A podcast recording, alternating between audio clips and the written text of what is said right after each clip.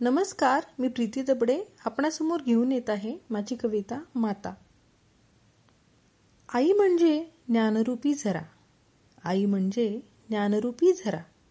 गुरु पहिला आपुला खरा. गुरु पहिला आपुला खरा. ममता माया अनमोल ठेवा.